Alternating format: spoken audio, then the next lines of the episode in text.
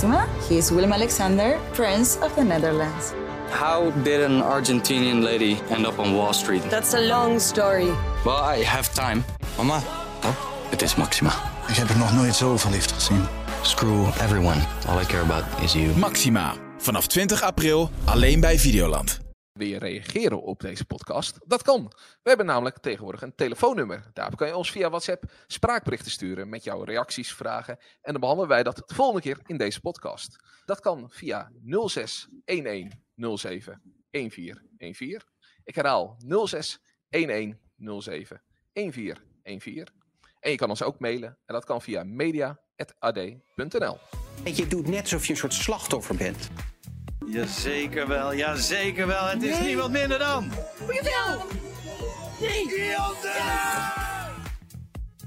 Wij maken dit eh, voor kinderen en voor volwassenen. John de Mol opereert al 20 jaar in reservetijd. Zonder corona stort lineair kijken in en geen van de mogelijke aspirant-omroepen voegt wat toe. Dit alles hoor je in de AD Media Podcast. Natuurlijk weer met tv-columnist Angela de Jong en mediajournalisten Guido Tienhoven en Dennis Jansen. Mijn naam is Mark de Blanke en ik presenteer. Ja jongens, we zijn even weg geweest. Eh, Er is flink wat in de wereld gebeurd. Zo lijkt het dat eh, we in Amerika een nieuwe president hebben. Maar ook in ons eigen kikkerlandje is eh, flink wat aan de hand. Forum voor de Democratie lijkt op instorten te staan. Eh Thierry Baudet was flink wat mee aan de hand. En daar gaan we eerst even naar een geluidsfragment luisteren. En toen de volgende was het ineens, Baudet moet er ook helemaal Ja, maar uit. kijk, jij leeft dus nu in een soort realiteit. Je doet net alsof je een soort slachtoffer bent van deze hele Ja, situatie. ik me ook wel een maar hoe beetje. kan het? Je bent de baas van die hele partij. Dus jij voelt je een soort slachtoffer. Nou, nee. omringd door allemaal mensen die je niet kent... die je ergens op een gegeven moment in je partij hebt verzameld. Die mensen ken je allemaal. Angela, jij hebt hier een eh, column over geschreven. Hoe vond jij het tot Baudet? Nou, ehm, ik heb me in de loop van de middag toen bekend werd dat Baudet bij, eh eh bij Bo zat, wel lopen afvragen van waarom zou hij daar nou voor kiezen. Ik bedoel, Baudet heeft wel een soort voorliefde voor de talkshow op RTL, want hij zit ook heel vaak bij, eh, bij Eva, valt me op. En die pakt hem toch nooit echt met fluwelen handschoentjes aan. Ehm, maar goed, je zou kunnen zeggen op één is beter bekeken, zeker op woensdagavond. Ehm, waarom, waarom, waarom kiest hij dan uitgerekend voor Bo? Gaat het dan omdat hij denkt dat hij daar makkelijk wegkomt met bepaalde dingen? Want Bo is natuurlijk geen journalist. En die staat niet bekend om zijn harde politieke interview. Dus ik eh, was er echt wel zo voor gaan zitten van, van wat wordt dit? En ik moet zeggen, ehm, Bo stelde me niet teleur. Want dit is niet, het, niet Bo zijn, zijn sterkste punt. Bo is heel goed in gevoelige interviews en in het gezellig maken. En om dan af en toe eens wat desinfectant in zijn mond te spuiten. Maar ehm, ik was eigenlijk wel, hij vroeg, eh, hij, hij was streng tegen hem. Hij had zich, dat kon je goed merken, heel erg goed voorbereid. En hij liet hem, en dat was eigenlijk mijn belangrijkste eh, bij het kijken, van, van gaat hij mee in dat frame van Baudet dat het zeg maar een ordinaire machtsstrijd is? Of begint hij wel echt over waar het allemaal mee begonnen is? Die eh, antisemitische, homofobe, nou ja, noem maar alles op, hoe we het allemaal ook allemaal noemen, appjes bij de jongerenafdeling. En dat deed hij wat mij betreft goed er waren natuurlijk wel een paar punten waarvan je kan zeggen van hier had hij even door moeten vragen, hier had hij op in moeten haken. En, ehm, Hij was Bo lekker fel, probeerde- toch? Ja. nou hij was streng, vond ik. En Bo, maar het leuke van Bo vind ik dan wel echt, dat is ook echt wel een, een goede kant van hem, dat hij het wel ook met een beetje humor en met charme doet. Dat, dat, ja. dat maakt het toch prettig om naar te kijken. Weet je wel, die openingsvraag van... joh, Baudet, je bent een uur geleden je huis uitgewandeld hier naartoe. Is er nog wat gebeurd toevallig onderweg? Want het gaat zo snel. Ja, hij is niet een strenge conrector. Hij is ook gewoon iemand die een gesprek voert. Een, bijna een gesprek op de bank of zo. En dat voelt wel lekker. En ik denk dat, dat schreef jij ook in je column, Angela, dat misschien Baudet ook heeft gedacht: bij Bo zit ik redelijk safe, want dat is ook wel een milde man. En Bo heeft dat aangevoeld, dus die heeft de messen geslepen. Ik vond trouwens. zit dat echt ja. eh, typisch commerciële televisie. We hebben dik een uur moeten wachten op dat interview voordat het er eindelijk was. Ehm, dat is toch altijd wel weer het nadeel. Op één was natuurlijk gewoon begonnen en hadden alle andere gasten eruit geflikkerd. En, Maar, maar Guido, zou dat niet ermee Nou, te maken hebben gehad dat, dat Ajax aan het voetballen was en dat ze daarom het hebben bewaard voor als mensen kunnen gaan kijken? Oh, kijk, dat eh, heb ik dan als sportliefhebber natuurlijk weer onvoldoende eh, in mijn hoofd geprent. Nee, maar natuurlijk wordt daar ook gewoon gedacht: eh, wat, is de, wat is de gast die zorgt dat mensen tot het einde toe blijven kijken? Ja, dat is toch een commerciële gedachte. En dat was moet toch Baudet. een rol hebben gespeeld. Ja, Kijk, als ze zeker. het Metropoolorkest hadden genomen op het laatst, dan was toch denk ik de helft eh, eh, naar bed gegaan. Niet lullig de bedoeld, maar goed, mensen moeten ook gewoon vroeg op de volgende dag om weer te gaan werken en om hun kinderen naar school te brengen. Zitten de Ja. kijkers ook niet eh, eh, van RTL eh, bij zijn fanbase, zeg maar? Hè? De kiezers van Forum. Dat sluit ik ook. Dat, dat lijkt me nog, niet als een heel ben, argument, de meest... Een goed argument om daar te gaan zitten. Want die zitten misschien niet bij op één, al die Forum-kiezers.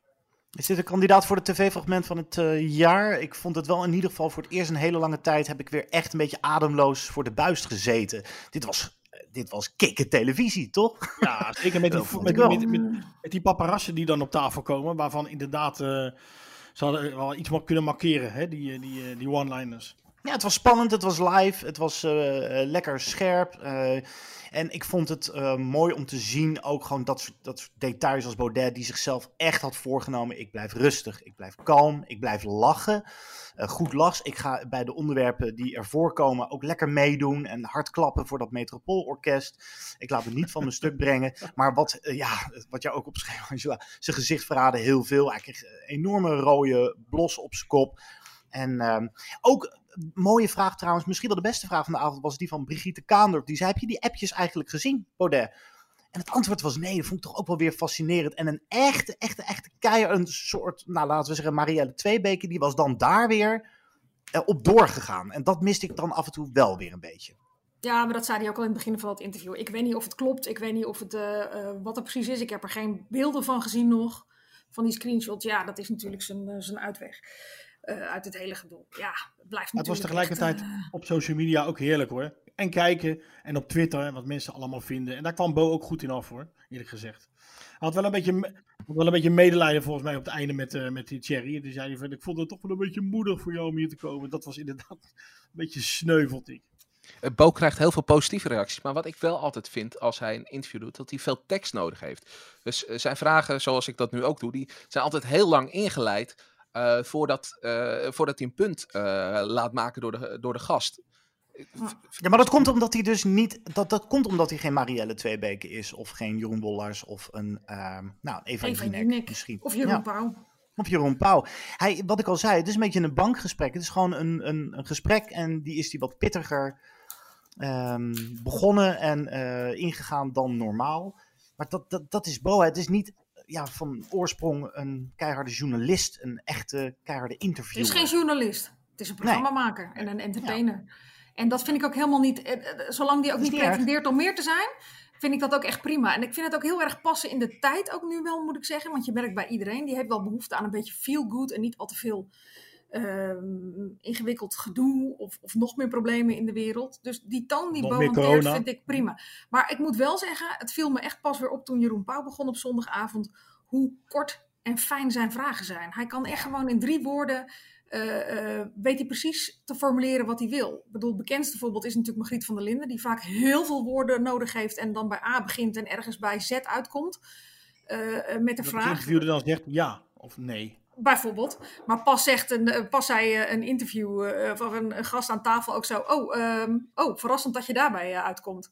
Dan moest ik ook alweer om, om lachen. Het zijn echt een soort, soort ja, eh haarspelbochten door de bergen heen, heb ik altijd haar idee, haar vragen. Maar je ziet dat de echt de beste dat gewoon toch heel puntig kunnen. En ja, dat viel me echt bij Jeroen Pauw weer op.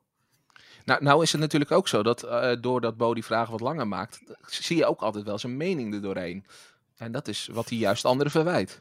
Ja, dat Ja. wilde hij niet, toch? dat zei hij tegen mij in een interview.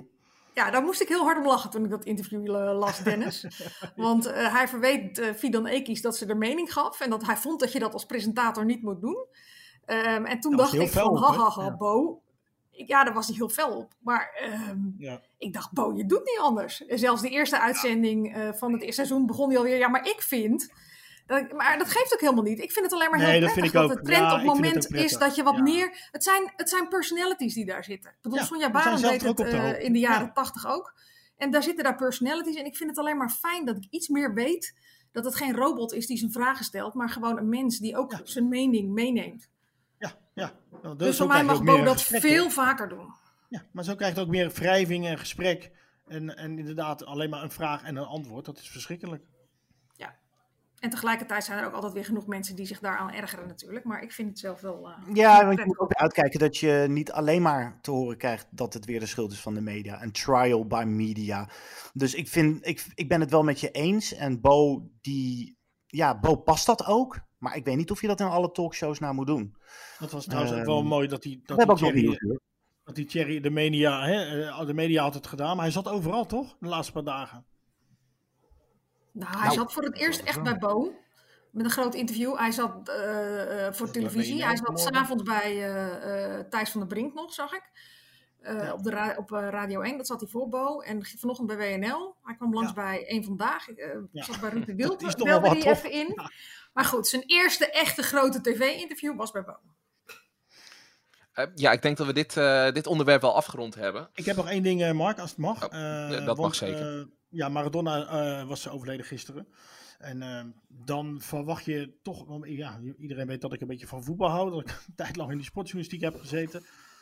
Maar het, het, het, het Kees Jansma en Wasi hadden werkelijk niks toe te voegen in het programma over Maradona. Dat vond ik wel heel erg jammer. Daar zat ik alleen maar dingen te zien die ik al lang wist van, van Maradona. En dat is wel een beetje fout voor de redactie. De redactie had echt wel iets met iets verrassends moeten komen over Maradona. Ik geloof dat we met die reden de wereld door ook nog net wat meer missen. Omdat ja, die dat kunnen dat heel groot neerzetten. En dat kunnen de huidige talkshows geloof ik niet. Nou, op één had uh, Theo Rijtsma en uh, die was commentator bij die, bij die finale.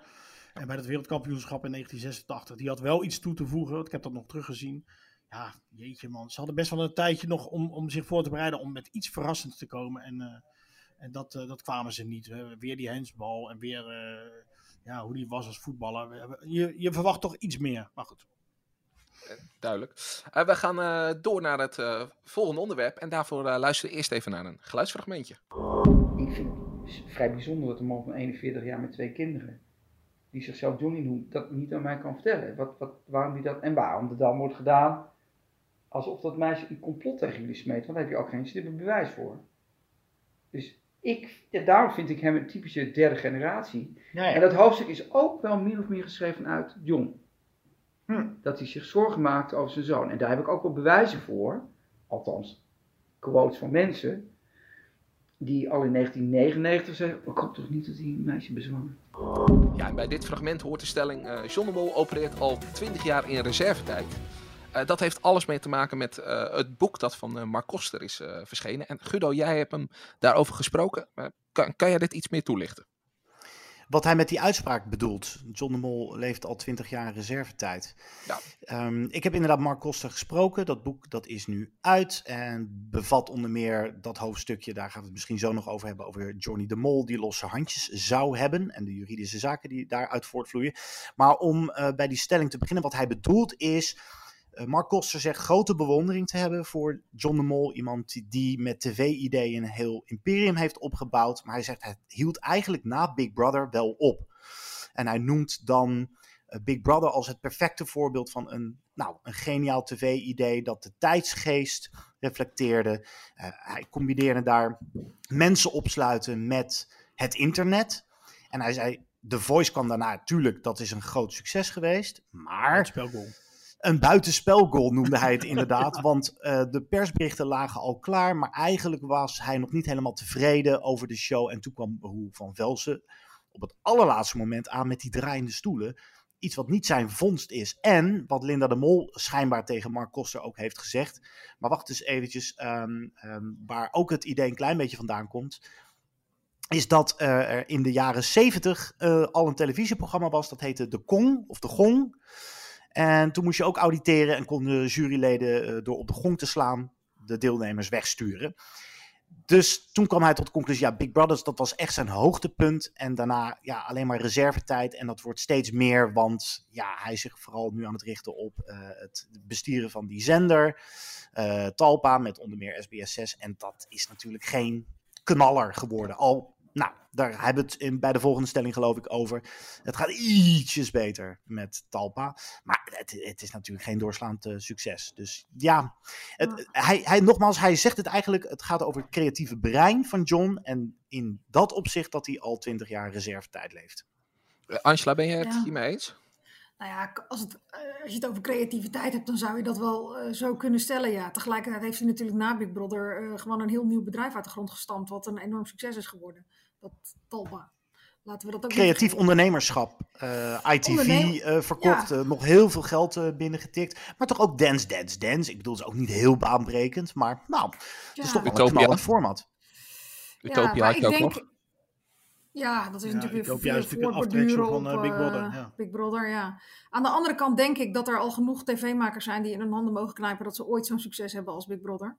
En, en zo de vinger op de tijdgeest weten te leggen, want dat was het, het is gewoon uitzonderlijk, of niet? Dat is gewoon uitzonderlijk. Um, en daarna, uh, uh, bedoel, uh, de Mol heeft met The Voice ook, of je kan zeggen of het nou wel of niet zijn succes was. Het, het, het, is natuurlijk gewoon wereldwijd een, een knaller van een succes geworden. Dus ja, de term, ik, ik snap aan de ene kant wel wat hij bedoelt, aan de andere kant denk ik, ja, de reservetijd, reservetijd. Nou, het roept ook wel de vraag op of Mark Koster niet een beetje cynisch is geworden. Ja. Na zeven jaar grasduinen in het leven van de mol en dit boek schrijven. Overigens een vrij lijvig boek. Dat is ook een vraag die ik hem stelde. Ik vond de toon wel wat cynisch. Ja, Hoe komt dat? Ook, en toen uh, was hij geschrokken. Ja, we hebben allebei het boek ja, gelezen. We het over gehad. Ja, die, die kleine zinnetjes als uh, de grote John de Mol, weet je. Dat is toch een beetje badinerend en, en, en suggestief, weet je had dat weggelaten gewoon. Dan ben je toch niet helemaal, want hij zegt dat hij, dat hij hem bewondert. Nou ja, dat, is, dat, dat, dat blijkt niet uit die reden kleine vervelende zinnetjes van, uh, nou, daar ging de grote John de Mol. Ja, dat schrijf je niet op als je hem bewondert. Nou, nou ja, dat weet ik niet. Weet ik niet ja. hoor. En het is wel dat de toon kan steeds cynischer wordt. Zijn? Ja, het is ook gewoon de toon Erotisch van Mark Koster. ironisch? Oh. Ik heb, laten voor wel goede, goede orde, ik heb het boek nog niet gelezen, jongens. Ik heb het al uh, een tijdje in mijn mail zitten, maar ik, uh, nou ja, ik lees heel Ja, vaak vond s'avonds in bed en ik uh, kan niet met mijn laptop in bed gaan, uh, gaan liggen. Dus ik, Ik het bewaar het voor de kerst, denk Het ik. was, ik, ik vind het wel een mooie, voor mij als, als mediaverslaggever, is het een mooi inkijkje in hoe die televisiegeschiedenis eh, is verlopen aan, de- aan, de, aan de hand van de familie eh, John de Mol. Dat is zeker een mooi inkijkje met alles eh, erop en eraan.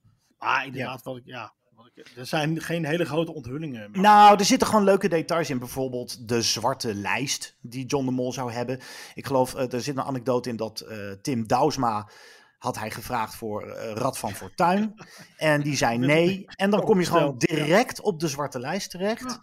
En hij kwam daarna wel weer terug. Maar die zwarte lijst is er ook gewoon puur om even te jennen. Eventjes sarren. Even eh, die persoon laten voelen dat hij niet heeft geluisterd naar de grote baas. Ja. En dat zegt natuurlijk heel veel over John de Mol. Nou ja, je bent voor of je bent tegen ze. Zo simpel is het. Er is geen grijs. Dennis, jij hebt dat boek dus nu ook gelezen, hè? Nou, en jij ik zegt heb het de is een tweede, helft van het, de tweede helft van het boek heb ik gelezen. De eerste helft, want ja, ik, eh, de eerste helft dat moet ik nog doen. Want het is heb- inderdaad een ontzettend dik boek.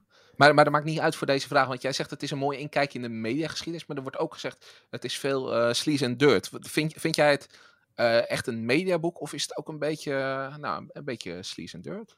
Nou, dat laatste, dat, dat, dat doe je waarschijnlijk op dat fragment van Johnny de Mol. Onder meer. Waarin hij dan inderdaad een robbertje uitvecht met een ex. In dat, in, toen nog niet. Maar dat, dat, ja, dat, dat hoeft voor mij niet in het boek, e- eerlijk gezegd. Eh, eh, met een sleaze deur valt het op zich ook wel mee, eigenlijk. Dus eh, dat is eigenlijk, ik vind het ook wel jammer dat, dat, er, dat, dat zo'n fragment er dan uit... Ja, ik weet natuurlijk als geen ander hoe dat werkt. Maar ja, weet je, het is, voor mij is het wel... Voor mij hoeft dat niet per se. Volgens mij was jij een andere mening toegedaan, Angela, over, die, over dat fragment van Johnny. Ja, ik vind toch dat als je hierop stuit. Ehm, en je wil de, ook zeg maar de hele eh, dynastie beschrijven. En tot die dynastie behoren ook Linda en ook Johnny. Dan eh, vind ik dat er aan het beeld dat wij momenteel hebben van Johnny de Mol in Nederland. dat het eh, nou ja, zo ongeveer mo- moeder Teresa is. Of de barmhartige Samaritaan. die alleen maar bezig is met, men- met eh, arme kindjes in, Vluchtelingen in Lesbos. ja, in, in Lesbos, dan vind ik dat daar, als daar bewijs voor is, dat dat echt wel enige nuancering behoeft. En ehm, ja, dat, dat, daar heb ik niet zoveel moeite mee.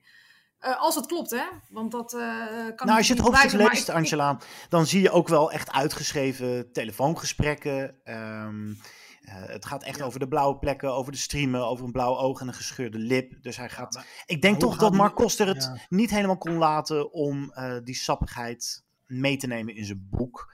Maar ik ben het wel met je eens, het zegt wel wat over. eh, hij beschrijft, het boek begint ook met de Mol senior en die hele muzikale carrière. En dat is eigenlijk vond ik dat het leukste uh, deel. Ja, van, daar ben ik er dus ook nog wel benieuwd naar. Maar ik dacht... Daar las ik het niet eens voor. Maar, dus het past ergens wel in het boek, maar het, het, is, het is, ja... Um, en hij blijft ook wel redelijk objectief hoor. Want eh, voor alle duidelijkheid, dit heeft dus, uh, of dit niet alleen per, per se het boek, maar dat Shima Kaas de ex-vriendin van Johnny de Mol hem dus beschuldigt van mishandeling. Uh, zij heeft geprobeerd, ze probeert een schikking te treffen met de familie. En dat leidt nu tot een juridische zaak. De familie de Mol heeft aangifte gedaan van verrading, heet dat geloof ik. Dus dat is, dat is even voor de context. Afdreiging. Of afdreiging. Ja, wat zei ik nou? Verrading. Verrading. Verrading. Nieuwe juridische term bedacht uh, in deze podcast. Anyway. Nou ja, ik ken Mark Koster een heel klein beetje. En ik weet dat hij al heel lang met dit project uh, bezig was. En ik heb toch wel echt sterk de indruk dat hij er behoorlijk uh, nauwkeurig mee omgegaan is. En dat hij, als hij er geen twee bronnen voor had, of meer bronnen, dat hij het niet in het boek gezet heeft. En ik vind, het, ik vind het ook echt wel dapper, want je weet dat je wel gewoon oorlog krijgt met de meest machtige man in de media. Ja. Die er uh, rondloopt. Maar wat mij ja. verbaasde was dat, dat, dat hij zat te vertellen dat hij drie, een interview had gehad voor dit boek met Linda de Mol. Met drie uur lang. Ja. Ja, toen was alles nog redelijk koek en ei. Toen was waarschijnlijk nog niet bekend dat hij dat hoofdstukje over Johnny de Mol ging schrijven. Nee, toen begon uh, vader de Mol uh, zich ermee te bemoeien. Dit moet eruit. En daar luistert Mark natuurlijk niet naar. Nee, terecht. En nee. dit is natuurlijk ook wel lekker om in het boek te hebben, zodat je hem lekker kan verkopen. Het is, ja, je hebt, je hebt wat, iets nodig waarom mensen uh, aandacht besteden aan het boek. En als het gewoon een heel net boek is, dan ja, ja als dat een argument geen is. Aandacht. Ja. Het is een lekker boek. Al met al is het echt, ik, ik vind het best wel een aanrader voor iedereen die een beetje interesse heeft in de media en in die hele familie De Mol. Het is wel echt een lekker inkijkje en hij neemt alle hoofdstukjes mee. Uh, het geruzie met Sanoma, geruzie met Reinhard Oerlemans, uh, om ja, sterren springen. Ja, bizar. Ja, vond ik ook wel. Ja. Ah, ik hoor dus uh, Dennis en Guido zeggen aanrader om te lezen. En Angela zegt ik ga hem lezen met de kerst. nou, ik denk dat nu dat we horen dat het van het weekend wordt. Oké, okay, helemaal goed. laten we doorgaan naar de tweede stelling. daarvoor gaan we weer eerst even luisteren naar een fragmentje. Wie is de winnaar, Geer? moet hem zijn, het moet hem zijn. Oh, oh, oh. ja, ja, nee. No? Jazeker wel, jazeker wel. Het is nee. niemand minder dan... Jawel! Nee!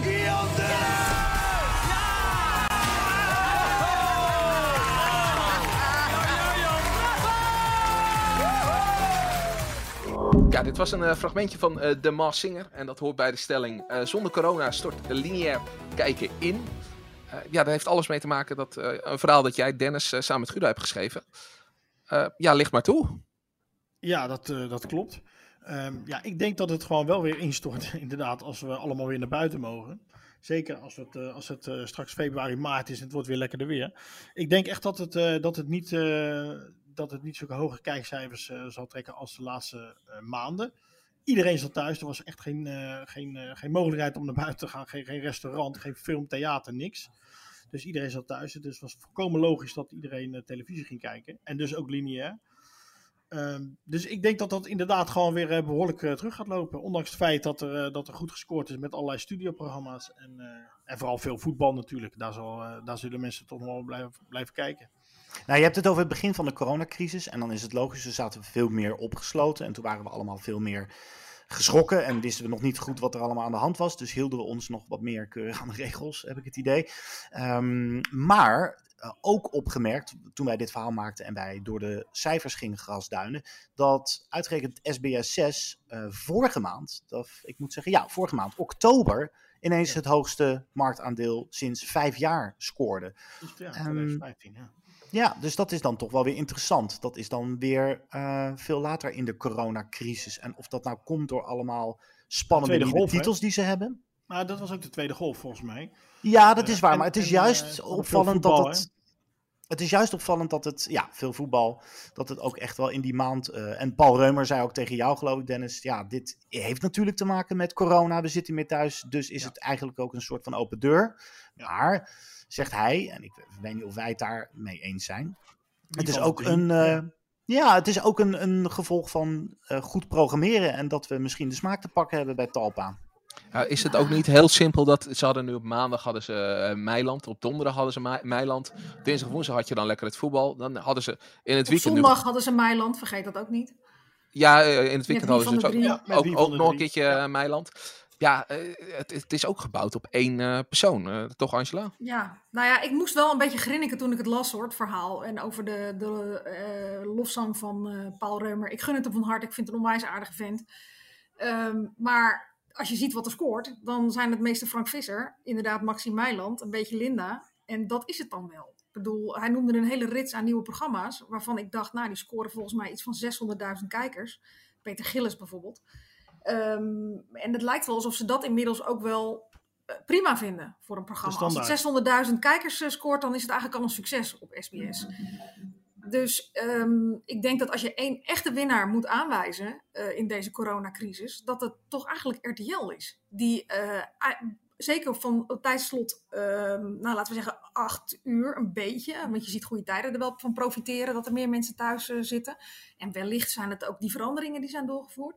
Maar vooral half negen tot tien uur. Dat anderhalf uur met het perfecte plaatje, met kijkers onderkopen, met uh, had jij eerlijk gezegd niet gedacht, verbazing toch? ook. Hè? Nee, Ja, nee, helpt niet zeker gedacht, niet. ja. En ook uh, uh, I Can See Your Voice, wat eigenlijk best een, wat, wat, nou ja, best een leuk programmaatje is. Maar niet zo leuk als The Mask Singer. Maar wat het dus ook gewoon met 1,2 miljoen kijkers. Uh, Ja, ze hebben een beetje geluk gehad dat, dat de beste zangers eh, weggevallen is daar. PSV, eh, eh, ja. Ja, maar zelfs toen, eh, toen Meiland en de beste Meiland. zangers er nog over stonden, toen hadden ze een miljoen kijkers, die eerste aflevering. Dus ja, dus ja dat is echt. Je- Maar volgens mij is dat ook wat je ziet, dat in deze tweede golf, noem ik het maar even, en zeker de periode dat we in oktober opgesloten zaten, dat we gewoon behoefte hadden aan amusement. Aan gewoon makkelijk wegkijktelevisie die niet altijd moeilijk is en die onze gedachten ook een beetje weghaalt bij die hele coronatoestand. En dat is wel echt een verschil met de eerste golf, waar je toch echt duidelijker een behoefte zag aan informatie. Eh, want toen werden juist die, die talkshows, die scoorden echt de pannen van het dak. En eh, Eva ging natuurlijk naar half tien. En eh, je had frontberichten, wat bij elkaar zeg maar een miljoen kijkers trok over twee zenders verdeeld op een avond. Dus dat, dat ja, daar zie je dat RTL echt heel erg van profiteert. Angela, vind je dan ook dat Peter van der Vorst het beter doet? Dus hij voelt blijkbaar heel goed de tijdsgeest aan. Je bent vaak kritisch op hem geweest. Maar blijkbaar doet hij dit heel goed. Nou, ik denk dat het ook gewoon een kwestie van een beetje geluk is. Het had natuurlijk... Ja, nee, ik bedoel, het, het heeft onwijs goed uit... Nee, ja, het had, heeft onwijs goed uitgepakt. En ik gun het ze van harte. Eh, maar het had natuurlijk net zo goed eh, kunnen uitpakken dat mensen dachten... anderhalf uur perfect plaatje. Ik ga om half tien eens even kijken wat, eh, wat er op een andere zender eh, is. Door de lach wil ik ook even horen wat Guido hiervan vindt. Nou ja, ik, ik denk dat Angela wel een beetje gelijk heeft hoor. Maar ik blijf vooral, ehm, wat ik interessant vind, is blijven we met z'n allen hangen nu. Op, bij die lineaire, eh, dat televisie kijken, dat ging dat jaar na jij. jaar achteruit, achteruit, de kijktijd. Dat steeg ineens weer door corona. Maar hebben we het nu herontdekt en vinden we dat zo fijn dat we dat ook blijven doen? Of ehm, als deze crisis een beetje, een beetje is bezworen, laten we dat dan weer los? En ik, eh, ik twijfel daaraan. Ik denk dat, ik denk dat het ook wel weer eh, gaat teruglopen. Het, het kan gewoon bijna niet anders. gewoon weer in. Tuurlijk, Ja, als we- mensen weet straks weer naar, vol naar het theater kunnen, naar de bioscoop en, en uit eten. snakken. En, en Snakken buiten. Gewoon dat al die, dat al die amateur-elftalletjes, die vrienden-elftalletjes weer gaan voetballen op vrijdagavond. Ja, Ja, dat doen ze nu niet. Nou ja, Dus ook ja. door de week. Ook door de week. Door de week. eh, Ja, bij ons op de voetbalclub is het heel erg de vrijdagavond. Sorry. Oh, Waar al die herenteams eh, eh, een derde helft eh, daarna hebben. Maar ehm, dat, dat, dat gaat natuurlijk, natuurlijk gaat het wel weer terug. Maar ik denk wel dat, eh, heel wat me- dat, dat er heel veel mensen nu toch wel weer een soort herwaardering hebben gehad voor het medium. En eh, hoe, Ja, leuk het is om op vrijdagavond met je hele gezin naar de Mask Singer te kijken. Nou is dat ook echt een, in al zijn pretentieloosheid een fantastisch programma. Ehm, maar en wat je met het hele gezin moeiteloos kan kijken. Eh, maar de- ja, het feit dat, dat mensen dat nu weer hebben ervaren, denk ik dat er echt nog wel een, een, een eh, mogelijkheid ligt om als programmamakers en hoe heet het, zenderdirecteuren daar slim mee omgaan, dat ze dat ook wel echt in hun achterhoofd houden. Maar voor, wordt het niet een beetje voor te- de zaterdagavond en voor de niet een beetje vrijdagavond. te klef met al die studioprogramma's, hè? de Mask en... en, en eh, hè?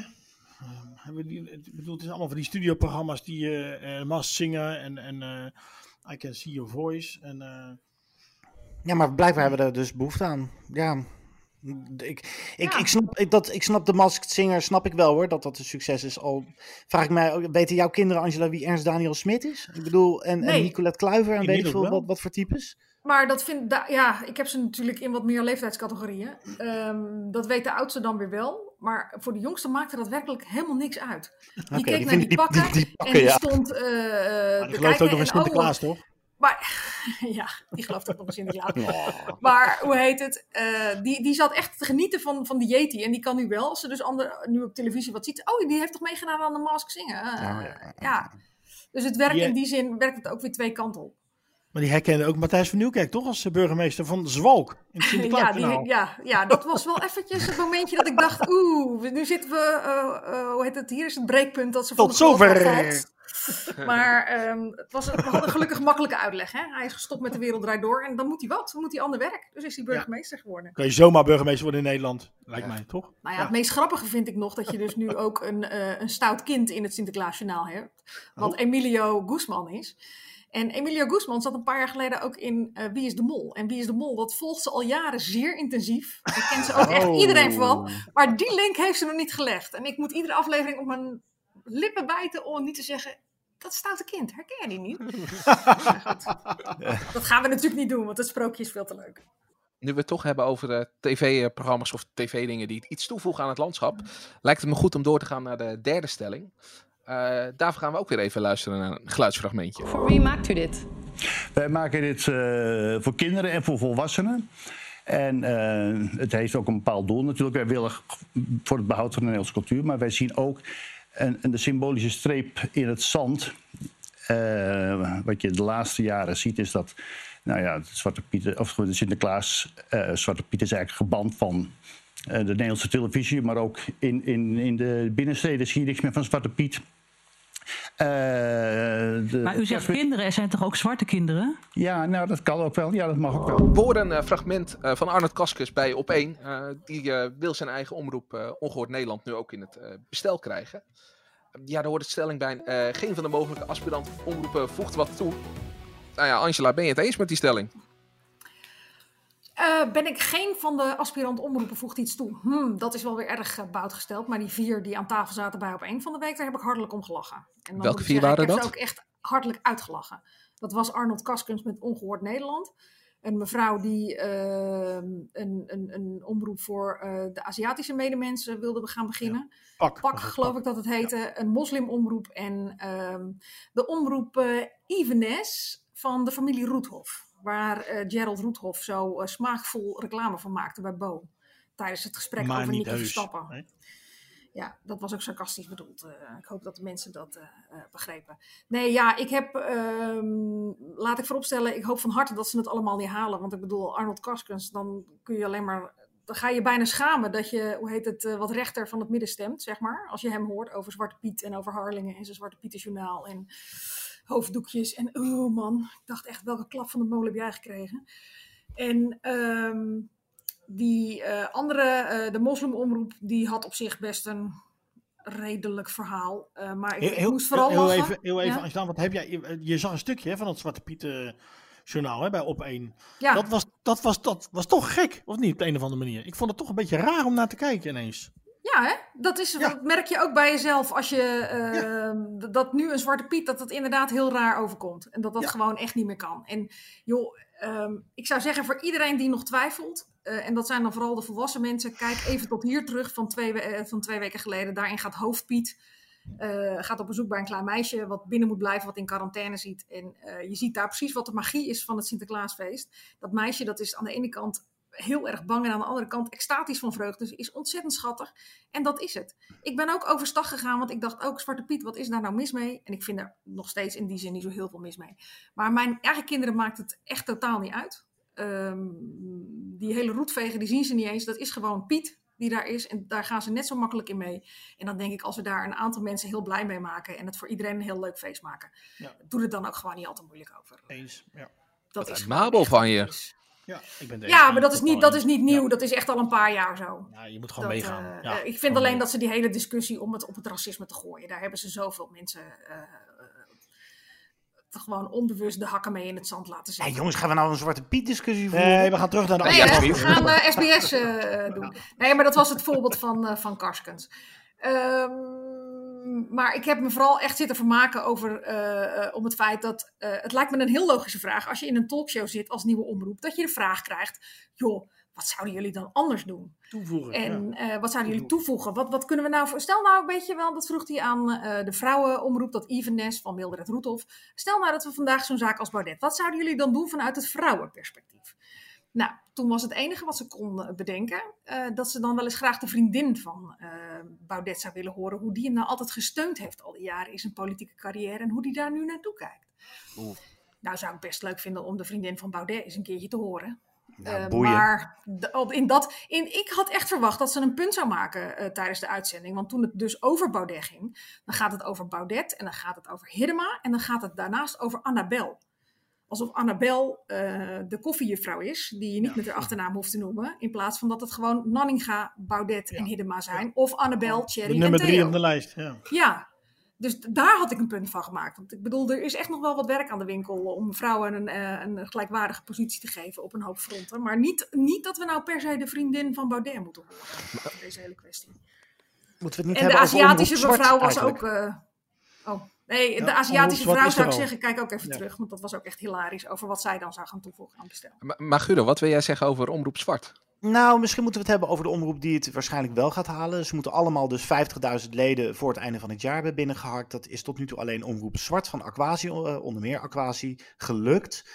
Ehm, gaat omroep zwart wat toevoegen? Ik heb die, ehm, de rechterhand van Aquasi eh, gesproken en die zegt, eh, ja, wij hebben toch wel echt ideeën voor meer diversiteit of programma's die je hier nog niet op het publieke, eh, op, bij de publieke omroep ziet. Zijn daar voorbeelden Heel- van? Nou, een sportprogramma met alleen maar vrouwen, bijvoorbeeld. Het leuke van Omroep Zwart is dat Omroep Zwart eigenlijk de functie kan vervullen van bijna al die andere aspirant-omroepen die eh, laatst bij op één zaten. Namelijk meer diversiteit, dus meer vrouwen en misschien meer moslims en mis- misschien ook meer de Aziatische gemeenschap. Ehm, dus ik, ik snap wel, dat zij zijn veel meer overkoepelend. Zij kunnen misschien nog wel wat toevoegen. En ook als zij wat breder kijken dan alleen een bepaalde bevolkingsgroep meer stem geven. Maar gewoon naar het, het, brede plaatje kijken. Überhaupt meer diversiteit. Ongeacht of dat nou meer vrouwen, eh, meer kleur of whatever is. Hebben zij niet heel erg eh, met hun naamkeuze eh, een fout gemaakt? Al- Als zij bijvoorbeeld dat Evans had- hadden geheten, dan, ja, voor gelijkheid, dan hadden... Evans? Ja, ik weet niet hoe ik het moet uitspreken. In ieder geval, eh, dan, dan hadden ze eh, veel meer, denk ik, empathie gekregen dan nu met de naam Omroep Nou, Zwart. ik, ik vind de gedachte wel mooi. Kijk, het, je moet het alleen even weten. Dat eh, als je alle kleuren samenvoegt, dan krijg je zwart. En zwart heeft nu een negatieve connotatie, heeft dat. En dat willen ze veranderen. Dus ik vind ergens de gedachte juist wel mooi. Maar van de buitenkant, als je dat niet weet, dan denk je, hmm, ja, die komen dus misschien alleen maar op voor, ehm, eh, voor meer kleur. En dat is, het, het is dus meer dan dat. Dus ja, misschien Ja, toch maar Guido, kom op. Zwart dat is levert toch heel kleur? handig. Maar kom op, Guido, maar dat is toch heel handig bedacht gewoon door ze. Het is toch een- soort met een schot hagel schieten op alle mogelijke doelgroepen die er zijn. En om dan maar gewoon zoveel mogelijk stemmen binnen te harken. Ik denk Misschien. dat ze een grotere kans maken als ze Ja, gewoon zeggen: jongens, eh, er leeft een, een discussie in de maatschappij, Black Lives Matters. Eh daar wordt altijd gezegd dat er veel te weinig mensen van kleur zitten eh, op het scherm, maar ook zeker daarachter. Nou, daar hebben ze een punt. Ehm, de hele journalistiek is natuurlijk nog steeds vrij wit. Zeker. Eh, Als ze zich daarop richten, dan hebben ze echt een punt waar ze zich onderscheiden. Maar om de hele diversiteiteits- en de LHBTQ-gemeenschap erbij te halen, dat vind ik, als ik heel eerlijk ben, een beetje goedkoop. Want daar is echt wel aandacht voor, ook bij de publieke omroep. Ja, Mm, ja weet ik niet. Nou ja, meer vrouwen. eh, eh, eh, ook dat kan beter. Dat is iets wat de NPO al jaren probeert. En die doelstelling die willen ze maar steeds niet halen. En uit onderzoeken blijkt ook dat heel veel bevolkingsgroepen, en dat heeft dan niet alleen maar met kleur te maken, maar ook met gender en, en, en seksen en whatever. dat ze zich ongehoord eh, voelen. Sorry voor het woord, want Karskens wil ik daar niet bij halen, want we hebben het hier over Omroep Zwart. Maar dat, dat dus die diversiteit, dat ze, die, dat ze zich niet eh, gehoord voelen bij de publieke omroep. dus Guido, dan is er toch een, een terrein te winnen. Dat gaat toch over de gastenkeuze dan? Ik bedoel, over vrouwelijke presentatoren, daar is toch geen tekort aan? Ik bedoel, van 's ochtends vroeg tot 's avonds laat zit er minstens één vrouw. eh, bij WNL zelfs twee. Dus dat, dat, dat is niet de discussie. Het gaat erom dat in talkshows te weinig vrouwen zitten. Maar dat verandert Als nieuwe omroep echt ja. niet. Want ja, dat proberen die redacties ook. Die bellen zich ook helemaal suf. Maar het probleem is nou eenmaal dat vrouwen daar wat terughoudender zijn dan mannen. En dat verandert echt niet of dat een talkshow is die door Aquasi wordt ge- gepresenteerd. Maar er qua, kleur, ook wel- qua kleur hebben ze echt wel een punt. Maar er Eh, zitten toch ook nog wel andere punten in. Je, je had toch, eh, laatst had je een serie dat heette Anne Plus. En daarin eh, werd gefilmd vanuit een eh, lesbisch perspectief. Dus de, de, de hoofdkarakters waren lesbisch, maar er was eindelijk een keer geen probleem mee. Eh, die makers die zitten dan achter die andere omroep. Maar eh, je ziet ook in series vaak eh, bepaalde groepen die komen daar alleen in voor. Eh, en dan zijn zij het probleem. Ze zijn nooit gewoon eh, onderdeel van de serie. Eh, Nee, best die, serie, die serie is er dus, zeg jij, Anne Plus. En die is, was van Ja. BNN-Vara volgens mij. Ja, maar daar hebben ze wel zelf alles voor moeten regelen en eh, zelf er doorheen moeten eh, drukken. En, Nee, er is echt wel wat aan het veranderen ook natuurlijk. Je ziet het ook eh, meer. Ik hoor op de achtergrond heel veel eh, tele- televisie. Bij Angela staat altijd de tv aan. Of is het bij jou, Dennis? Nee, sorry, mijn Siri reageert op jou. Sorry. Oh, schiet aan. Nee, maar weet je, er is, natuurlijk is dat zo. En, eh, maar je ziet echt wel meer voorbeelden. In Bloedverwanten zat een, een, een homostel, wat, wat ook echt wel wat je in beeld bezig zag met z'n tweeën. Ehm, Dertigers, wat een onwijs leuke serie was, daar zat ook een homostel in. En kwam homo-geweld ook aan de orde. Maar voor de rest was het een gewoon eh, relatief stel wat net zo meedraaide met de rest als er was. BNN-Vara heeft volgens mij ook een soort experimentje gehad met eh, eh, een serie over een soort drag queens om, om diversiteit op internet te doen. Dus daar komt langzaam besef in. Maar daar heb je omroep zwart niet voor nodig, jongens. Nou ja, goed. Ik zat wel te denken, vooral ehm, als Omroep Zwart eh, het, het zou halen, moeten ze per se programma's gaan maken of moeten ze een, een, een hele duidelijke stem krijgen achter de schermen om vooral alle omroepen aan te moedigen eh, meer diversiteit te laten zien. Eh, want kun je dat per se, dat kun je namelijk ook doen in de bestaande programma's die er al zijn. Eh, bijvoorbeeld bij talkshows door daar eh, meer kleur te laten zien en meer vrouwen als gasten inderdaad uit te nodigen. Dus dat, daar, daar heb ik ook nog wel een beetje mijn twijfels over. Eh, want zo'n serie als Anne Plus, ja, dat vind ik wel een aardig voorbeeld. Het is wel een zeldzaamheid. Het is toch nog wel een zeldzaamheid. Jij, jij noemde al wat andere voorbeelden. Angela, dat is waar. Er is echt wel wat aan veranderen. Er is nog wel, wel wat terrein te winnen hoor, heb ik het idee. Nou ja, ze hebben in ieder geval een redelijk. eh, ze zijn in ieder geval behoorlijk op weg. In een korte tijd hebben ze die 50.000 leden. eh, dus er is in ieder geval voorlopig is er wel een, eh, een stem vanuit Nederland. Nou ja, het zou me ook verbaasd hebben dat als in een jaar waarin Black Lives Matter zo prominent was, Dat ze als ze hadden het niet. En Ja, ik moet zeggen, eh, dat hebben ze eh, toch best in korte tijd gedaan. En gedaan, tegelijkertijd verbazen we er dus over dat Arnold Karskens, die vorig jaar riep dat hij binnen mum van tijd aan de, eh, verplichte minimum zat van de leden, dat dit jaar dus niet haalt. Ja, dat zegt denk ik ook wel iets.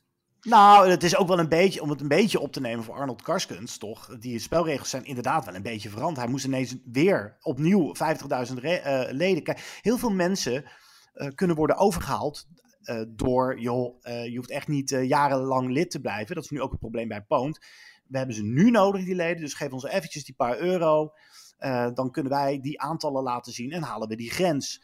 Maar ja, daarna geven ze het weer op of geven ze een lidmaatschap op en zijn ze niet meer bij een omroep verbonden. Dus ja, dat is, dat is ook wel echt lastig en dat geeft maar weer aan dat dat hele systeem toch een beetje dubieus is. Ik heb wel begrepen dat er echt weer op de achtergrond eh, gesprekken worden gevoerd, ook met Politiek Den Haag, om dat toch ehm, weer eens te herzien. Nou, dat lijkt me ook heel erg goed. Maar aan de andere kant vind ik dat als je dan toch ergens een, een, een, een, een, een- een eis stelt, dat dat wel mensen, dat je iets moet vertegenwoordigen wat mensen een jaar later ook nog vinden. En waarvoor ze bereid zijn om die 5 euro te betalen. Toch? Ik wil nog Anders hoef je één- niet te beginnen. Ik wil nog één laatste vraag stellen, omdat we met de tijd zitten, dat we moeten gaan afronden. Ehm, maar eh, ja, Guido zei het net al terecht, eh Poont heeft een probleem. WNL heeft geloof ik ook een probleem. Omroep Zwart lijkt het te halen, Ongehoord Nederland niet. En het was altijd het verwijt dat de publieke omroep te links was. Ja, als dat zo doorgaat, dan zijn volgens mij vrijwel alle rechtsomroepen straks weg.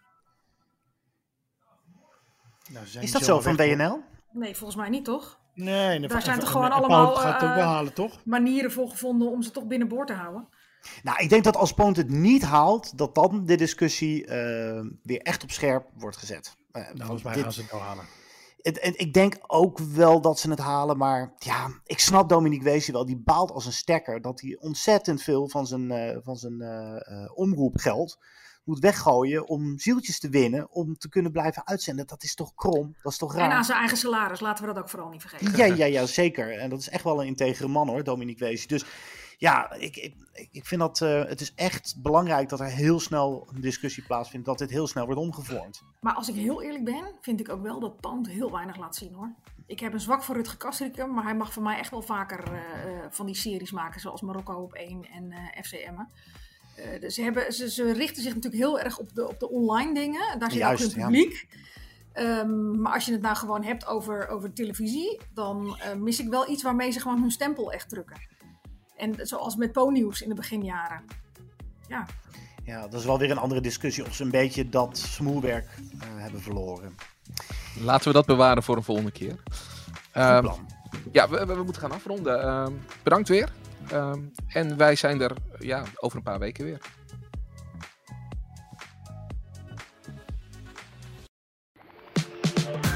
Zeggen toch, het leven begint bij 40. Ja, maar wat begint er dan precies? De nou, weg terug? Uh, aftakeling, begin van het einde, allemaal ellende. Ja, en wat was daarvoor dan? Was dat droog oefenen? Nee, maar serieus jongens. Twintigers die hebben de toekomst. Dertigers een dilemma. 50-plussers hebben een eigen partij, dames en heren. En een omroep. En wat hebben wat wij? Hebben wij? Wat hebben wij? Een podcast.